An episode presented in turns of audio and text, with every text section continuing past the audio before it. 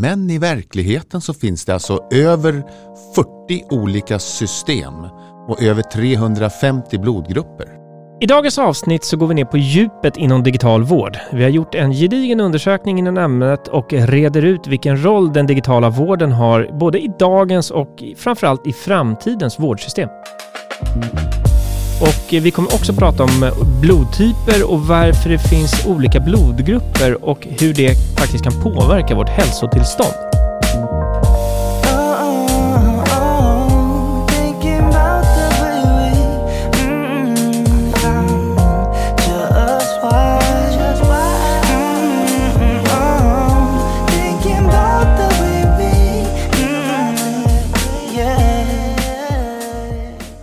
Du, jag har tänkt på en sak. Eh, när vi träffades eh, innan podden så pratade vi lite om hälsan. Eh, och jag inleder ju det här samtalet i podden med att fråga hur du mår. Sjukvården står ju faktiskt för 11 procent av BNP eh, i Sverige och det är vår absolut största arbetsgivare och en viktig fråga i valet varje gång. Och vi har ju valår nästa år. Och eh, ändå så är vårdsystemet någonting som är svårt för människor att förstå. Ja, det är ju så. Det är märkligt. Men det, det är till många delar föränderligt också. Så det är en, en, ett dilemma ibland att eh, implementera det där för folk. Och eh, vi har gjort en undersökning som jag nämnt i flera poddar och eh, då, av svaren som jag fått där, det här börjar jag bli lite förvånad själv också faktiskt. För det är så nästan 30 procent, de har ingen aning om vilken vård man har rätt till. Och eh, 46 procent, de vet inte hur finansieringen av vården funkar. Och hela 68 procent har ingen som helst aning vad det kommer kosta mig den dagen jag behöver söka vård. Hur kan det vara så? Ja, man, det är för företrädesvis unga personer som är friska och inte varit i kontakt och inte vill se, eh, inte ser mörka moln och man, då bryr man sig inte. Nej, och det här innebär att vi har ett stort jobb att, eh, framför oss, du och jag. Ja, ja, verkligen. Så att det är väl lika bra att vi sätter tänderna i det här och kör igång, det eller hur? Ja, det tycker jag. Ja, härligt. Då, skott kommer. Första mm. frågan. Vi ska prata blodgrupper. Det är ju spännande och mer spännande blir det allt eftersom vi lär oss. Så att, och det har ju effekt på många olika eh, faktorer. Det kan spela roll för sjukdomar och det kan spela roll för eh, annat också. Så att eh, det där är ett riktigt klurigt ämne att prata om. Men då kanske vi ska börja med grunden då. Ja. Eh, som är, då är jag lite nyfiken på liksom, hur många finns det? Och du nosade lite på det där hur det kan påverka oss. Men hur många blodgrupper finns det? Ja, precis. Man tänker det är A och B och AB och 0 och det systemet. Det är ju fyra stycken då som är det totala. Men i verkligheten så finns det alltså över 40 olika system och över 350 blodgrupper. Oj. Men vet man vad en blodgrupp, vad är det som är 350 stycken, vadå? Nej, ingen aning. Nej, och det är ytan på de röda blodkropparna som ser olika ut. De har, och det, de, man har, det kallas för allergen. Och det, en, A ser ut på ett sätt och B ser ut på ett annat sätt och noll ser inte ut alls. Eh, och så har man antikroppar mot det här. Och, eh, och då, då, känner kroppen igen vad som är och vi har en, en sort Eh, och, men det, det, som man inte känner till alltså är att det finns så väldigt många av, av mer okänd karaktär. Men den stora gruppen faller långt, långt över 90% faller inom AB0-systemet. Men är det viktigt att ha koll på vad man har för blodgrupp tycker du? Eh, egentligen inte. Eh, det behöver man inte ha men det är intressant för, för medicinare och forskare och doktorer som jag tycker det är kul. Men att ha tatuerat in en eller ha en bricka runt halsen eller sånt där det är fullständigt meningslöst. Det tar vi ingen hänsyn till överhuvudtaget. Utan vi kommer att testa varje påse blod som du eventuellt får. Vi kommer testa den specifikt mot dig och inte mot någon grupp eller, eller sådär. Så att eh, man behöver inte känna till sin egen Så att det görs alltid kontroll innan? Alltid.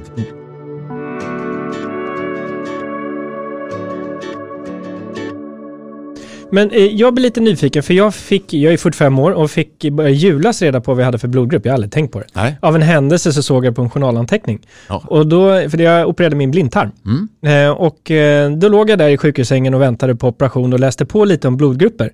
Och då snöade jag in lite på att i andra kulturer så är man inte ens inne på det här med horoskop utan då är det blodgruppen som bestämmer vad det är för personlighet. Till exempel i Japan. Har du, mm. har du någon aning om det där? Nej, det har jag inte. inte. Det finns ännu inte visat någonting som helst att blodgrupperna olikheter skulle påverka vår personlighet. Utan det här är ju på eh, immunologisk eh, molekylär basis för att trassla till det lite. Men det här är ju kroppen ska själv känna igen vissa olika strukturer helt enkelt. Och mm. de det är inte eh, några man känner igen så att säga i hjärnan och beteenden och sånt. Det är någonting annat. Men finns det vissa blodgrupper som är mer dominanta i vissa delar av världen? Oh, så ja. Skiljer det där sig? Eller det... är det så att något specifikt här uppe i Skandinavien eller till och med i Sverige? Eh, ja, det finns det vissa sådana udda, extremt ovanliga som en på miljoner och sånt här. Det finns det i alla, i, någon i alla länder. Mm. Men vi har ju en lite större påverkan då, till exempel i central eh, Sydamerika, då har alla noll bara. Eh, därför eh, att det visar sig att då har man en större resistens. Man har alltså ett skydd mot olika infektionssjukdomar, till exempel malaria då. Man kan mm -hmm. hantera dem bättre. Eh, och det har, med hur, det har med hur blodkropparna klumpar ihop sig efter en infektion eller under en pågående infektion. Och de allvarliga sorterna, det finns fyra olika sorters malaria, eh, och de allvarliga sorterna får, man får massa mikroembolier, massa småproppar och röda blodkropparna lägger sig som myntrullar och proppar igen. Mm -hmm. Det gör de mindre om du har blodgrupp 0 till exempel. Och genom årens lopp och genom hundratusentals år så får man ju ett selekterat urval. Så Amazonas eh, ursprungsbefolkning har 100 procent okay. noll och i, i Sverige kanske någonstans för, runt 40. Mm. Så jag råkar ju veta att jag är noll Ja. Så då behöver inte jag släktforska och leta efter sydafrikanska rötter där. Nej, det finns, det, det finns eh, andra som har det också. Men ja. det, där, det där är ju svårt och det är ju känsligt. Det finns ju någon, alltså en, man kan ju förändra sig över tid genom mutationer. Det är extremt ovanligt men det är teoretiskt möjligt. Men det blir ju lite knepigt ibland så här när man pratar om blodgrupper och så dyker det upp att min, jag har varit med om det här själv. Jag har sett, jag vet vilket klipp du pratar om. Ja. Jag har sett det på min YouTube. Ma min mamma har AB och pappa har AB. Hur kommer det sig att jag har noll? Den är svår va? Nej, den är, det är svårt. För noll är recessivt, det vill säga att man måste ha dubbla anlag, komma från båda föräldrarna för att få noll. Och har båda föräldrarna AB så det är genetiskt omöjligt. Mm. Eh, och det kan ju vara lite dystert att få den insikten plötsligt.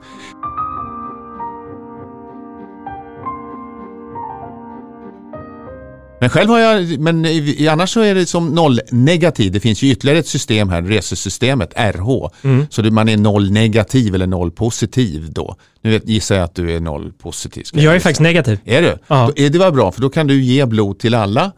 Eh, för noll negativ, det är sånt vi tar till i akuta lägen. Då, då är det nollnegativt. Negativt betyder att man inte har den där faktorn, alltså kan det inte finnas några antikroppar mot den. Mm. Eh, och, eh, så då kan man ge ditt blod. Och, och finns, sen finns det en blodgrupp AB positiv yours truly, mm -hmm, som mm -hmm. kan ta emot alla sorter, de kan inte göra fel. Ja, ja, ja. Och det är bara 3% i ungefär fallen som har AB positiv, så att jag kan ta vilket blod som Så helst. då kanske vi ska sträcka ut handen och uppmuntra alla som har den blodgruppen jag har att faktiskt donera blod? Ja, verkligen. Det tycker jag vi ska göra ändå. Ja. Apropå i, i dessa tider, det är ju en väldigt solidarisk handling. Mm. Eh, vi, vi, har ju pratat om mycket om proppar och blodsjukdomar och annat. Och det finns väldigt mycket att göra och vill, tycker man att man ska göra någonting gott så bli blodgivare. Bra. För det, då kommer vi osagt in på min nästa fråga här. Det är ju, kan man se någon korrelation mellan blodgrupper och olika typer av sjukdomar? Ganska eh, lite än så länge, men det finns några. Det var ju nyligen en studie här under våren där man kunde visa på viss, ett visst samband. Man tänker sig att vad det gäller några virussjukdomar, det har man inte på adenovirus, nu har man inte visat det på covid ännu, mm. men att man, får, att man har en viss motståndskraft. Och det, det handlar nog om hur ytan, vilket inflammatoriskt svar man får och hur ytan för, för, eh, beter sig så att säga, på de här blodkropparna eh, i samband med en infektion. Och eh, man, det verkar vara så att det finns en eh, blodgrupp 0 är underrepresenterade vid svår covid-sjukdom. Mm. Så att det finns ett, ett speciellt sätt där, eh, ett, som man kan se på det sättet att det blir enklare eh, att stå emot vissa sjukdomar. Härligt. Bra svar, ja, tack. Ja. Det finns vid vinterkräksjukan och då är det en annan, då är det, då är det de som har B som har ett visst motstånd. Och där finns det också andra ärftliga komponenter. Var var femte person är ju helt resistent mot den. För därför, mm. Och det beror på att eh, de här infektiösa virusen inte fastnar på cellerna. Så cellens yta passar inte. Då slinker de vidare till någon annan. Intressant. Mm.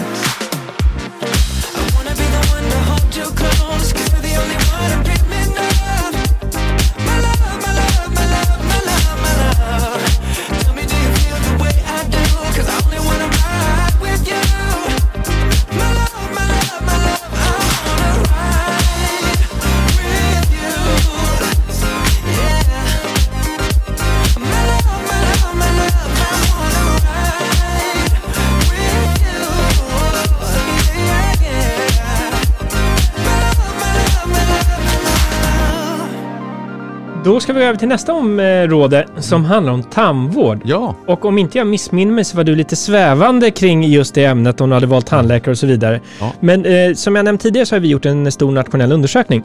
Och det vi har kommit in, eller fått in svar från där då, det är att nästan 30% av de som har svarat då har sagt att de har skjutit på att gå till eh, tandläkaren på grund av corona. Ja. Hur har du gjort? Har du gjort slag i saken? jag har gjort slag i saken. Jag har gått dit två gånger. Okej. Ja, eh, faktiskt, dels för när jag nu har bytt eh, eh, hemstad från, eh, från här, Bergslagen kan man väl säga till Göteborg. Så har jag listat mig kan man säga på, hos en tandläkare där och gjort en, en, bara en, en status checkup. Mm.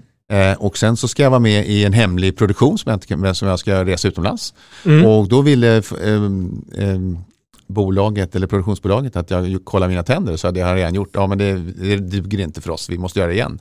Så då gjorde man om alltihopa. Eh, så att nu är jag dubbelkollad så att jag är, har ett leende på läpparna. Ja, vad detta. härligt att höra.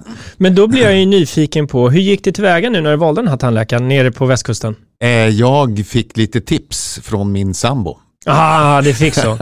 Ja, rekommendationer vet vi är en stark bidragande orsak. Ja, precis så. det. Eller Till- hund- faktor till att Ja, välja ja, vårdgivare. Ja, det var hundraprocentigt i mitt fall. Ja. Ja, var du nöjd med upplevelsen? Eh, mycket, mycket nöjd. Ja. Har du sett fall du har hittat den kliniken inne på vården.se och lämnat en, ett omdöme, en recension om din upplevelse? Nej, det har jag inte gjort. Det måste du Det göra. måste jag ju göra. Ja. helt enkelt.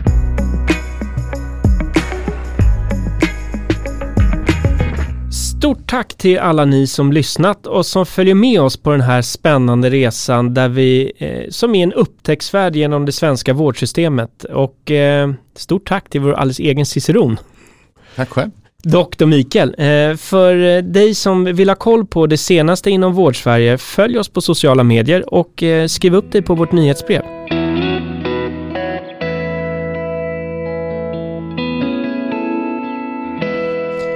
Doktor Mikael, Ja, nu ska vi gå vidare till nästa ämne vi har för dagens podd och det är ju lika högaktuellt som, som vanligt nu på senaste tid, nämligen digital vård. Och eh, är det någon skillnad på olika vårdgivare då, om den är digital och fysisk och så vidare? Men digital vård, vad är det och hur, hur funkar det? Ja, så själva, det är olika varianter på hur man kan hantera saker eh, digitalt och inte när man behöver ett fysiskt möte. Sen har vi ju då hela journalproblematiken eh, problematiken, eh, och där det finns ju enorma vinster att göra när man kan eh, få tag i en journal väldigt snabbt och väldigt lätt även över regionsgränser. Det händer ju väldigt mycket spännande saker på den svenska vårdmarknaden just nu. Eh, vi vet att de digitala vårdgivarna har ju verkligen tagit för sig och hjälper väldigt många personer. Eh, det som händer nu på senaste tid är att allt fler av de här börjar öppna fysiska mottagningar så att gränsen mellan digital och fysisk sakta men säkert börjar suddas ut. Så att det är en väldigt spännande utveckling och med det som bakgrund så har ju vi gjort eh, på vården en statistiskt säkerställd undersökning där vi har frågat över tusen eh, medborgare hur de ser på det svenska sjukvårdssystemet. Och eh, regeringen och Sveriges kommuner och regioner, SKR, har kommit överens om en gemensam vision för e-hälsa med målet att Sverige år 2025 ska vara bäst i världen på att använda digitaliseringens och e-hälsans möjligheter. En bidragande faktor till framgång inom e-hälsa i Sverige är gemensamma lösningar vilket resulterat i en stor utväxling nationellt. Och här kommer några exempel på områden där Sverige ligger i framkant. Över 50 miljoner inloggningar på nationella hälsoportalen 1177 Vårdguidens e-tjänster, eh, vilket är då en ökning med 35 procent jämfört med 2018. 6,5 miljoner invånare hade någon gång loggat in på 1177 Vårdguidens e-tjänster vid årsskiftet.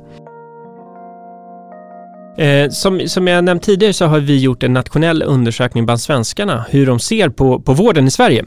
Och eh, ett, eh, en fråga inom det här handlar ju då om digital vård. Och jag tänkte gå igenom lite svar som vi har fått här och bara höra din kommentar till det hela. Spännande. Eh, och eh, föga förvånande, eh, 69,9, alltså 70 procent av de tillfrågade upplever att det går snabbare än traditionell vård.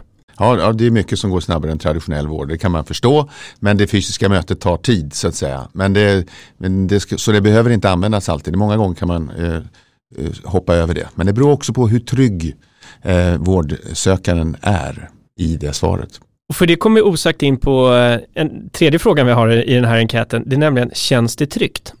Och det är ganska lika där. Vi har alltså 47 procent som tycker att det känns tryggt och vi har 53 eh, procent som eh, tyckte då att traditionell vård kändes tryggare. Ja, och det kommer förändras eh, eh åt det hållet att den digitala vården kommer både bli bättre och tryggare och det är ju allt eftersom alltså, människor växer upp i den här nya digitala världen så är det klart att man, man förlikar sig med den. Det man inte förstår blir läskigt och då mm. vill man ha det här fysiska mötet och det har sin plats naturligtvis utan det ska ju kompletteras på bästa sätt.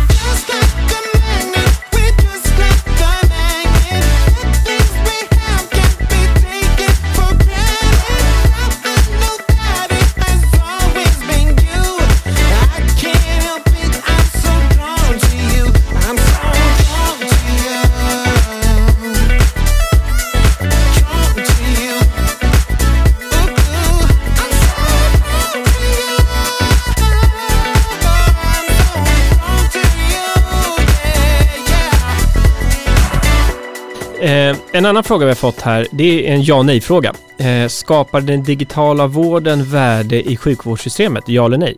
51,4 procent säger att det gör det. Ja, då har ju de rätt, för då skapar den värde för dem. Bra svar! Ja, jag tror det blir ett litet feltänk om man ska tro att eh, traditionella, alltså det, det, fysiska mötet och digitala eh, vården står emot varandra. Utan de ska komplettera varandra. Mm. Den ena de ska användas vid, bara för att ta några exempel, prickmottagningen. Så kan man ju istället för att boka en tid och stå i en kö och komma till en, dermatolo- till en hudläkare alltså, och för fullständigt eh, oskyldig liten prick så kan man skicka en bild och bedöma den där på 10 sekunder eller 5 sekunder med, med jättehög säkerhet för den stora gruppen. Så där kan man öka där finns det fantastiskt mycket att göra eh, och använda sig av den digitala vården. Sen så att om du har en komplicerad familjeproblematik eh, med psykisk ohälsa, då funkar det inte. Mm.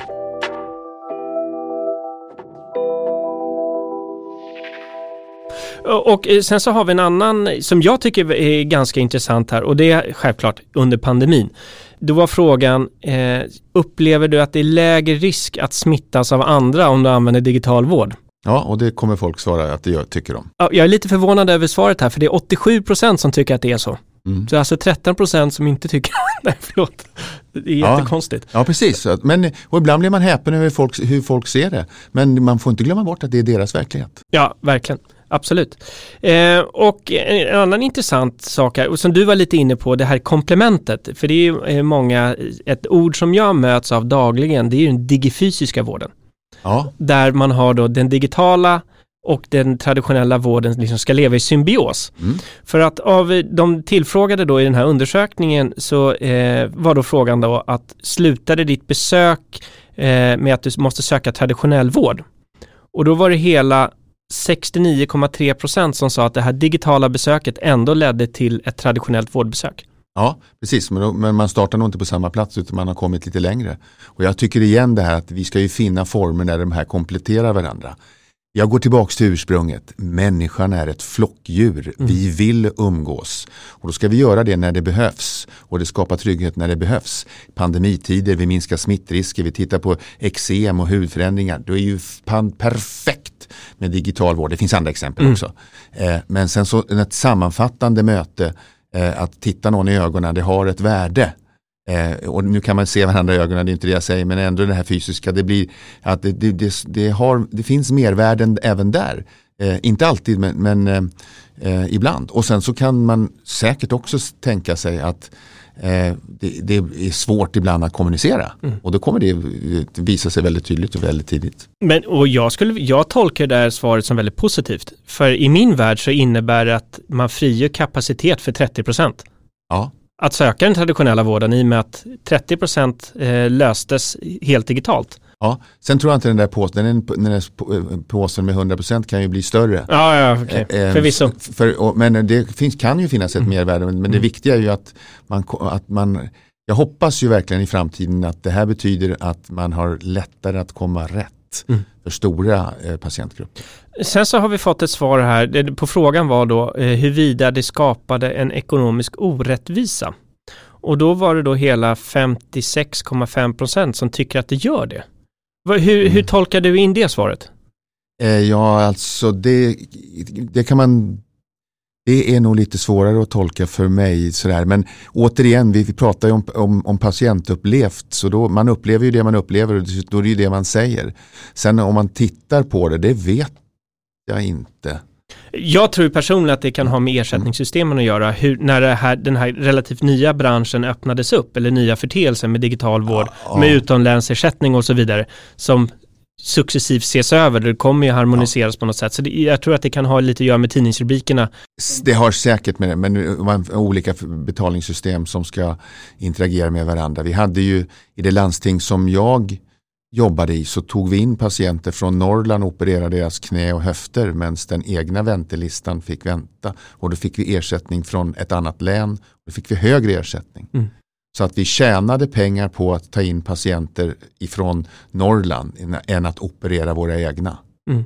Och det kan man tycka är lite märkligt. Och, och det, där blev det ju svenska sjukvårdssystemet lite tagna på sängen när, som öppnade upp för den digitala vården. För lite kuriosa historiskt så handlar ju det om utomlänsersättning eller FULPen. Ja. Eh, vilket innebär att när du är på sommarsemester i någon annan region eh, och du behöver uppsöka vård, då fick den vårdcentralen där du gick då, ponera att du var i, nere i Skåne till exempel, men du är skriven i Stockholm, då fick de skicka en räkning upp till Region Stockholm för att de tog hand om dig när du var på semester.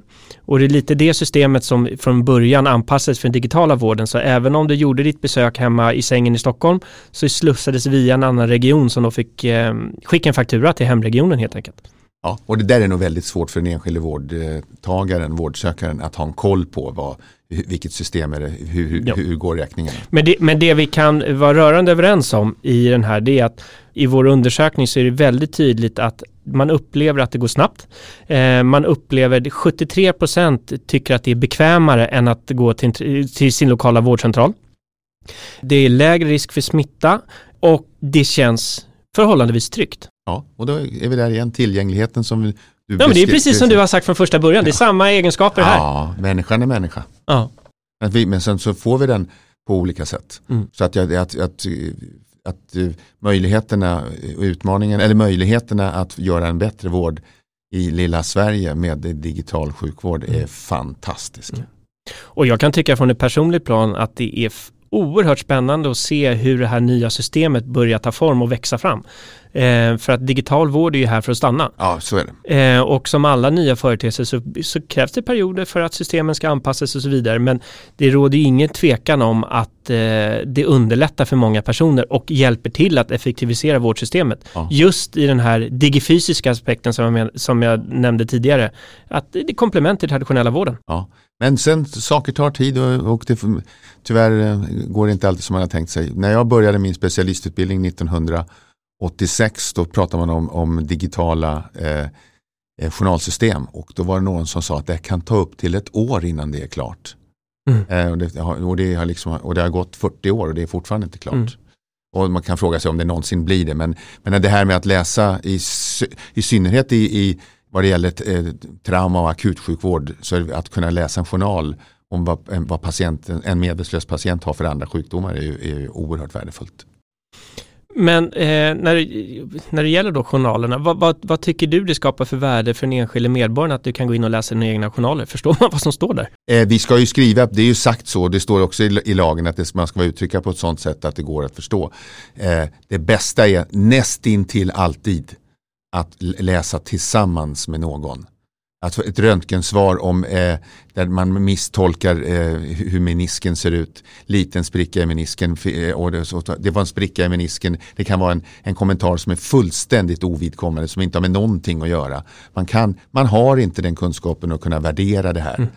Så att jag tycker att man ska, är det så, men men däremot så, så ska det inte vara hemligt om man ska kunna begära ut sin, och, och i synnerhet om second opinion, för Mm. att man kan begära ut och visa någon annan kollega och sådär. Men det bästa är, är samarbete och har man frågor så läs tillsammans med doktorn. Och gällande den här digital vård, naturligtvis så inne på vården.se så har vi både, vi är ju ingen skillnad om du är en digital eller en fysisk vårdgivare utan där kan du själv gå in och se vilket alternativ passar just dig bäst. Perfekt.